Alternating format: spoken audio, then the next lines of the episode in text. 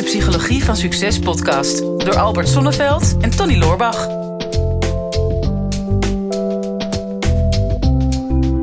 Albert, we hebben een kritische vraag.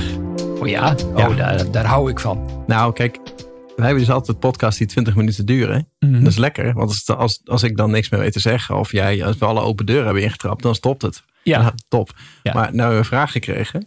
Er staat geen naam bij trouwens. Nou, dat snap ik wel. Als je een kritische vraag hebt en dan geen naam bij zetten. Nou, de. Ja, zijn een merknaam Conscious, Conscious Supplements Oh, op Instagram. Eh, je zegt, hi Tony, ik heb inmiddels elke podcast van jullie geluisterd en sommige zelfs wel twee keer. Ja, ja. Dus dat, ja, dat zijn wel echt fans. Dat moet je, die vraag moet je dan wel beantwoorden, Ja. zeg maar. Al hebben we inmiddels dus een lijst met meer dan, meer dan 200 vragen staan die ingezonden zijn. Wel gaaf. Ja. Ehm, maar deze vraag kwam bij me op. Ik hoor jou en Albert vaak over dat veel psychologische problemen voortkomen uit eigenwaarde. En dat mensen moeten werken aan het verhogen van hun eigenwaarde. Maar vaak wordt een beetje half verteld hoe je dat nou precies kan doen. Dus ik zou graag een podcast willen met de vraag: hoe verhoog ik mijn eigenwaarde? nou. Nou ja, ik doe dat met aandelen kopen. Met Mijn eigen geld en dat verhoogt dan. Ja, Als het goed gaat tenminste. ja, ja, ja daar, daar, daar heb je al. maar dat En is heel kort, want het zit nu op 1 minuut 20. Ja, en, ehm, en dan komt er nog iets eh, lastigs bij. Is als je dat extern doet. Dus met andere woorden, als je, dat laat, als je je eigen waarde laat afhangen van de koers van de aandelen. Mhm. Dan maak ik me ernstig zorgen, want dat fluctueert nogal. Ja, het is wel, wel grappig. eh, ik, ik, kan me nog herinneren, echt jaren geleden in eh, mijn business. En toen wa- was een, een uitspraak die heel vaak naar voren kwam. Was, ik hoef niet op mijn bankrekening te kijken om zeker te weten dat het goed met me gaat. En dat was dan externe waarde. Ja. En toen ging het, daarna ging het wat slechter met de business. En toen werd het een beetje het motto. Ik hoef de gordijnen niet open te doen om zeker te weten dat het regent. ja, ja. En, en daar begint het vaak al met het vinden van je eigen waarde. Ehm, ik, ik vind het een fantastisch woord, omdat eh, de Nederlandse taal is zo mooi. En Mm. wij houden van woordgrapjes. Dat hebben de luisteraars en de kijkers inmiddels ook wel in de gaten, dat we daar enorm op kikken. Maar eigenwaarde, als je daarnaar goed naar luistert, dan zit er ook eigen aarde in. Een, een- een plek voor jezelf. Mm. En dat is vaak wat ik van mensen terughoor. Dat ze zeggen van ja, ik wil zo graag mezelf zijn. Maar ja, wie is mezelf? En want dat is de grote zoektocht. In een van de andere podcasts hebben we het ook wel gezegd. De, de twee grote vragen waar ieder mens op deze planeet mee rondloopt is... Wie ben ik en wat wil ik? En wie ben ik is mezelf zijn. Hè? Mm. En, en, wat, en zelf met een hoofdletter Z, zeg ik dan altijd. Want het is vaak groter dan dat jij denkt. Mhm. Maar hoe ontdek je dat nu? Want je kunt pas je eigen waarde volledig toelaten op het moment dat je weet wie je bent. Mhm. Nou, als je dat niet in één keer weet, eh, dan is dat niet ehm, gelijk heel dramatisch. Want eh, er zijn mensen die daar een heel leven over doen om uiteindelijk te ontdekken wie ze zijn. Hm. Het klinkt een beetje flauw, maar als je met multiple choice eh, het juiste antwoord niet weet, wat doe je dan, eh, Tony? Als je met multiple choice, ja, gokken, raden. Ja, maar dan ga je in ieder geval. Meestal zitten er een paar antwoorden bij waarvan je zeker weet dat dat niet het goede antwoord is. Elimineren. Ja. Elimineren. Ja. Oh, ik doe altijd B. Dus statistisch gezien is het vaakst B. Dat is ook een mogelijkheid, maar ik weet niet of dat direct je eigenwaarde verhoogt. Ja. Of ik doe D anders namelijk. En dan schrijf ik daar B op. Want dan heb ik de 2 in 1. Dat is de kans groter dat ik het goed heb. Ben ik blij dat ik jou niet hoef na te kijken. maar als je gaat elimineren, en, eh, en dat is een hele mooie en ook een hele mooie spirituele oefening, is bij alles wat je jezelf realiseert, wat ben ik niet? Eh, om te ontdekken wat je wel bent. Mhm. Eh, en dat klinkt misschien een beetje cryptisch, maar eh, ja, en dat is ook alweer een bepaalde waarde. Mhm. Maar probeer je dat eens voor te stellen. Zeg van oké, ehm, ja, ik ben bijvoorbeeld eh, psycholoog. Maar stel je nou voor dat ik zeg van nou ja, als ik dat nou niet ben, wat ben ik dan wel? Mhm. En dan zeg ik ja, ik ben vader. Dan zeg ik, nou als ik dat dan niet ben, wat ben ik dan wel? En door die oefening steeds met iedere vorm van identificatie, ehm, om dat los te laten, wat blijft er dan over? En uiteindelijk wordt het ergens wordt het stil. En dan ga je misschien ontdekken dat er iets is in jou wat zichzelf doet. En dat je daar niet te veel mee bezig hoeft te zijn. En dat het leven door jou beweegt. Mhm. En want waarom is het zo belangrijk dat je uh, uiteindelijk je loskomt van identificatie? Want naast dat iedereen wil weten wie je is, wil die ook vaak ontdekken wat vrijheid is. Mhm. En het is heel gek dat mensen een heel leven lang zich ergens mee willen identificeren. Want dat begint al heel snel. Mhm. En bijvoorbeeld, ik wil zo zijn als mijn vader of ik wil zo zijn als mijn moeder. Hè, want dat zijn de eerste helden in je leven. Mhm. En dan uh, vervolgens wil je waarschijnlijk zo zijn als je leraar. Ik was smoorverliefd op de juffrouw op de kleuterklas. Hè, de kleuterklas. Is het zo? Ja, daar wilde ik helemaal bij horen. Ja, ja Oh, daar wilde ik ook mee trouwen. Oh, toen al. Ja. Oké. En, en later nog een keer een poging gewaagd? Ehm, nou, helaas is getrouwd. Het is echt, toen bestonden ze nog, eh, de melkboer. Ja. Ze is echt getrouwd met de melkboer. En ze vertrok naar een ander dorp. Ik was ontroostbaar. Ja. Mijn moeder was echt helemaal wanhopig. Eh moet je je voorstellen, een kleuter van vier. Mhm. En ehm, dus ze heeft uiteindelijk is ze met mij naar het andere dorp gereden, naar die kleuterjuf. En toen heb ik een eh, kopje thee kunnen drinken bij de kleuterjuf aan de tafel. Hm. Ik, was, ik zat helemaal met een open mond en helemaal smoorverliefd naar Hm. te kijken. En eh, toen was het goed. Dus Oké. Maar niet getrouwd uiteindelijk? maar uiteindelijk niet getrouwd met de kleuterjuf. Toch niet? Nee, nee. Nou, Nee, dus um, een ja. goed verhaal, maar het loopt dan niet echt leuk af. zeg maar. Nee, nee niet alles heeft een happy end, Tony. dus, dus je blijft je identificeren. En uiteindelijk in de puberteit, dan, dan wil je identificeer je met een eh, bepaalde, bepaalde sporter of met een bepaalde artiest. Of, Mhm. ehm, en uiteindelijk kom je erachter van ja, misschien kom ik heel dicht in de buurt van die artiest of heel dicht in de buurt van die sporter. Ik weet dat jij bijvoorbeeld heel erg van schaatsers eh, houdt. Mhm. Ja, En- schaatsen. Ja, Nee. Ook wel van. Hè, maar ehm, ja, en, en voor een deel kun je daarmee identificeren, maar je de- ontdekt ook van ja, ik ben meer dan alleen maar die schaatser. Mhm. Dus je gaat steeds meer losweken van wie je niet bent. En wat blijft er dan over? En vaak is dat een hele pure vorm, Mhm. waar je nooit ooit concessies aan wil en kan doen. Mhm. En dat is wat ik altijd zeg van, ga eens op zoek naar die momenten in je leven dat je succesvol was, dat je helemaal gelukkig was, dat je in de flow zat, dat, dat alles naar tevredenheid liep, dat de dingen als vanzelf gingen in je leven. Wat was er toen? wat, Mhm. wat deed je toen? Wat dacht je toen? Waar, ehm, ja, waar was je toen mee verbonden op dat moment? Mhm. En als je dat ehm, voor jezelf kunt gaan identificeren, dan ga je al merken van oké, maar dat zijn dus blijkbaar mijn succesfactoren, mijn, ja, mijn oerwaarden die ik dan heb. Mhm. Wat, wat er ook gebeurt in mijn leven, die ga ik nooit loslaten. Nou, als je daar al ehm, bewust van bent, dan kun je zeggen: Oké, maar dat is mijn fundament.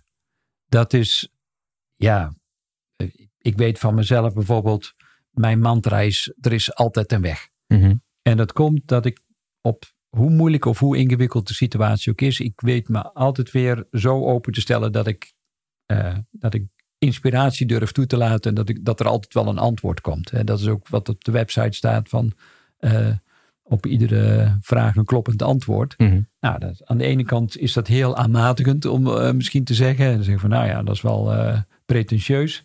Is dat ook altijd zo?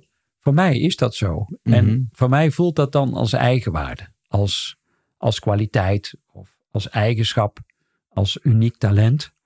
En dat hoeft er niet veel te zijn. Maar als het maar iets is waar ik steeds weer op terug kan vallen. Mhm. Wat wel te maken heeft met het zelf, de hoofdletter Z. Hè, dus uiteindelijk kom je altijd terug op, ja, maar ik durf te vertrouwen op mijn intuïtie. Of dat ik op het juiste moment de juiste dingen zeg. Of op het juiste moment de juiste dingen doe. Mhm. Een andere mantra voor mij is bijvoorbeeld, ehm, ik weet het wanneer ik het moet weten. Mhm. Nou, daar kun je geen spel tussen krijgen. Nee, maar dat zijn, dat zijn dus dingen die je uit jezelf haalt. En ehm, het zou logisch zijn, ook als je de vraag stelt van eh, hoe kan ik mijn eigen waarde verhogen, dat je dat ook eh, uit je eigen haalt. hè? Ja. Dus, dus kijk, jij kan alleen, jij bent de enige die je eigen waarde kan verhogen. Iemand anders kan dat niet voor jou. Nee. En toch zoek je dat vaak extern. Hè? Dus het is, ehm, als het gaat over jezelf nog niet goed genoeg voelen op een bepaald Ja. gebied. Of eh, je niet geliefd genoeg voelen. Of ehm, je vergelijken met iemand die iets heeft wat jij niet hebt. Dat zijn allemaal dingen die jouw eigen waarde omlaag halen. Meestal is het omdat je je vergelijkt met of iemand anders. of je vergelijkt je met een gefantaseerd ideaalbeeld Ja. van wat je, wat je zou willen zijn. En op het moment dat je bijvoorbeeld denkt van nou, ik ben, eh, ik ben niet knap genoeg, noem Ja. maar iets. Ehm, dan ergens heb je het idee dat iemand anders tegen jou moet zeggen dat je wel knap bent. Maar op het moment dat dat gebeurt, dan, dan heeft dat geen enkele vorm van impact op jou. Nee. En als er honderd mensen zijn die dit zeggen, heeft dat, dat heeft ook geen impact. Je moet dat zelf tegen jezelf en je moet het, en je moet het durven geloven. Eh, hetzelfde met je, je niet geliefd genoeg voelen of eh, je niet intelligent genoeg voelen of het idee hebben dat je niet succesvol genoeg bent. Meestal ehm, komt het gewoon uit iets wat je, ehm, wat je vroeger hebt meegemaakt. Hè, de waar, waar, eh, waarvan je weet van nou, ik, ik voel me nog niet goed genoeg. Of ik heb altijd het idee gehad dat ik niet goed genoeg was. En je blijft dan maar eh, werken en, en successen verzamelen. En ophopen in de hoop dat er op een gegeven moment iemand eh, bij jou eh, aanbelt. En zegt van nu ben je er. Ja. Nu ben je goed genoeg. Hè. Dus, eh, of of misschien dat het iets met je ouders is. Hè? Dat je denkt van nou, er moet een moment komen dat mijn ouders dan eindelijk een keer tegen me zeggen. Maar nou is het goed genoeg. Mm. Nou zijn we trots op je, bijvoorbeeld. Hè? Ja. En, maar als dat daadwerkelijk gebeurt, dan zal, dan zal dat het voor jou niet, niet gaan oplossen. Het moet, moet uit jezelf komen. Ik kan me dan herinneren, ehm, wij waren ooit een keer op vakantie in Cannes. En toen was ik volgens mij ook een hele, wat was een, een business brainstorm. Hè? Dus we Ja. waren, de eerste vraag was, eh, wat, wat heeft er de afgelopen maanden goed voor je gewerkt? Dus, dus ik was aan het opzommen wat er allemaal goed gewerkt had. Dus het was een opsomming van successen. Ja. En toen op een gegeven moment toen zei, ik, zei ik iets, eh, volgens mij van dan op een gegeven moment moet je ook tegen jezelf durven zeggen van nu is het goed genoeg. Ja. En, en toen sprak jij me daarop aan. Op, op twee manieren. Ten eerste als je het over je hebt in plaats van ik. Dan is het te angstig voor je. Mhm. Dus als je in de derde persoon gaat praten, dan durf je het nog niet toe te laten. Nee. Dat was alarmbel één. en eh, twee, het is goed genoeg. En toen zei jij, nee, niet het is goed genoeg. Ik ben goed genoeg. Mhm. En dan bedoelde je niet jezelf mee, maar je sprak even in de derde persoon voor mij. En eh, ik dacht, ja, eh, woordje. En, en toen viel, het natuurlijk even stil. En dan, dan op een gegeven moment ga je dat herhalen. En dan, dan voel je het verschil tussen die twee woorden van het is goed genoeg of ik ben goed genoeg. Ja. En denk, wow, dat, het lijkt echt maar dat, dat je er niet eens over na hebt gedacht. Mhm. Maar ja, ik gebruik toevallig dit woord. Nou, gebruik een ander woord. Lekker boeien. Ja. Maar daar zit zoveel in van oké, maar is dat alles wat jij bouwt of doet of geworden bent, dat is allemaal het.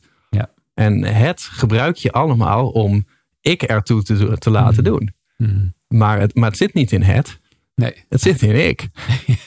en ik, dat, dat, het vind ik altijd een hele interessante, eh, interessante tocht. En, en als ik daarmee merk, want, mee werk, want ik heb ook vaak genoeg dat ik, dat ik ergens een laag zelfbeeld heb op iets eh, verschilt, verschilt per keer.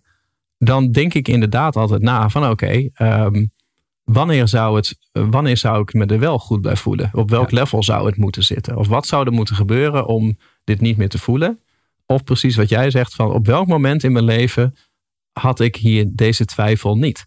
Ja. En, en eh, wat, wat, had, wat had- zat er toen in mijn leven wat mij ervan bevestigde dat dit een onterechte laag zelfbeeld was? Ja. En, dat, en dat, dat help je er op de een of andere manier altijd uit.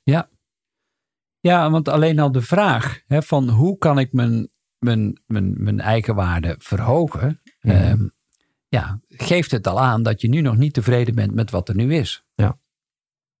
Dus als je, en, en dat is een andere die je al zou kunnen doen, en dat hebben we al vaker gezegd, maar create an attitude of gratitude, is, is dat je als je je realiseert wat er nu allemaal al is. eh, de, de, ik, ik, ik vind verwondering altijd een van de mooiste ehm, kwaliteiten die je voor jezelf kunt hebben.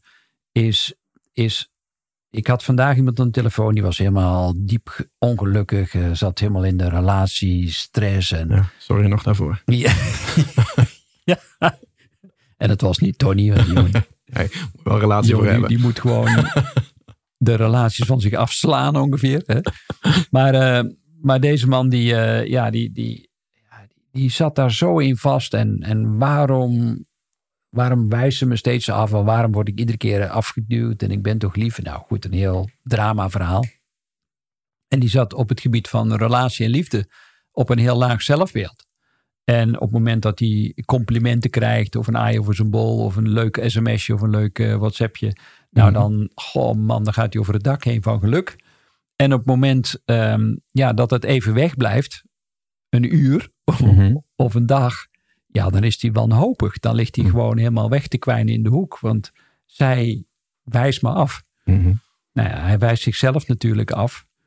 Nou, dus, en, en toen zei hij van, ja, maar wat kan ik nou doen? Wat kan ik nou doen? En, en dan zei ik, ja, maar hoe kun je je eigen waarde verhogen? Ehm, en het klinkt een beetje soft, maar liefde voor jezelf. En, toen heb, en ik zat in de trein hier naartoe, eh, aan de telefoon. En toen zei ik, oké, kijk eens naar je rechterhand. En ehm, We hebben het over zelfliefde. maar ik ga er geen grap over maken. Maar eh, nee, nee, nee, ik ben wel niet- benieuwd waar dit naartoe gaat. Ja, ja, ja, ja, ja. Ik, eh, ik bouw het ook langzaam op, eh, Tony. En ik, ik merk dat je enigszins zenuwachtig wordt, maar dit is nou wel weer een verhaal met een happy end. Tony. Ja. Dus het komt allemaal goed. Uiteindelijk zeg kijk eens naar je rechterhand. En beweeg die vingers eens.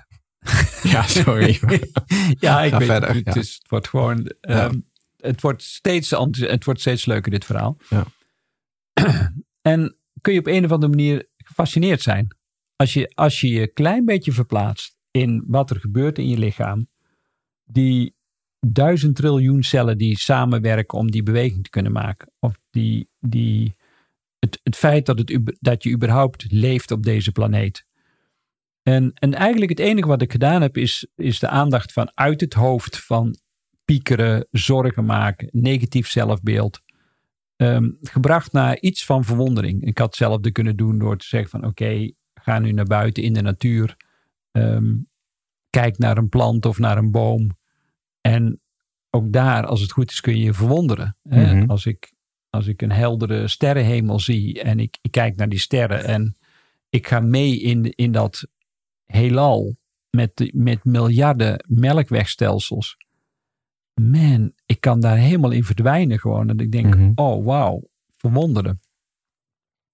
Dus op het moment dat je zegt, hoe kan ik mijn eigen waarde verhogen? Dan, dan ben je al uit die verwondering gestapt. Dan ben je al vergeten dat je een wonder bent. Mhm. Ehm, dus leer jezelf weer verwonderen eh, over alles wat er in een dagelijks leven gebeurt. Want het allerergste wat er kan gebeuren is vanzelfsprekendheid. Dat je het normaal vindt dat allebei je ogen functioneren en dat allebei je oren functioneren. Of Mhm. dat je darmen werken. Totdat je er problemen mee krijgt. Hè. Mijn- Op de kaft van mijn boek De Levenscode staat... ehm, ja, gelukkige mensen of gezonde mensen hebben honderd wensen. Maar zieke mensen hebben maar één wens. Mhm. En op het moment dat je gaat zien wat er allemaal al wel is in plaats van wat er niet is, dat is al een, een hele mooie manier om ook je eigen waarde te verhogen. Want Mhm. jouw waarde wordt bepaald door je perceptie. Mhm. Je, eh, dat wat jij ziet, en registreert, tot je neemt in jouw wereld, eh, hoe meer dat jij tot je neemt, hoe meer dat je aan waarde, en dan heb je het woord aarde weer, tot je kan nemen, hoe groter dat jouw plek wordt in de aarde. En soms is de aarde nog te klein voor mij, weet je, dan, dan verdwijn ik in het universum. Dan denk ik, wauw man, al die sterren, wat zou er nog meer aanwezig zijn eh, in, in die wereld? En hoe zou het zijn om daarmee verbonden te zijn? Dus verwonderen, verwonderen, doet mij enorm groeien Mhm. op alle gebieden in mijn leven. Ja, nou, met de eigen waarde zit het ook wel goed. Er zit in ieder geval een hoop waarde in, eh, in deze podcast. Ja, ik moest net nog gaan denken dat we eh, nog een kleine extra tip, hè, omdat er nu natuurlijk heel specifiek wordt gevraagd van ja, hoe doe je dat nou en praktische oplossingen. Ik denk dat er heel veel in deze podcast zit.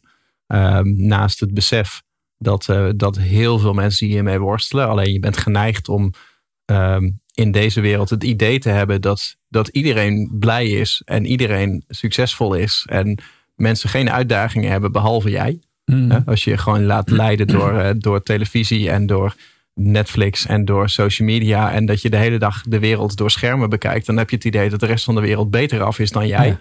En dat jij de enige bent die onzekerheden heeft. Maar ga er maar vanuit dat iedereen op de planeet onzekerheden heeft.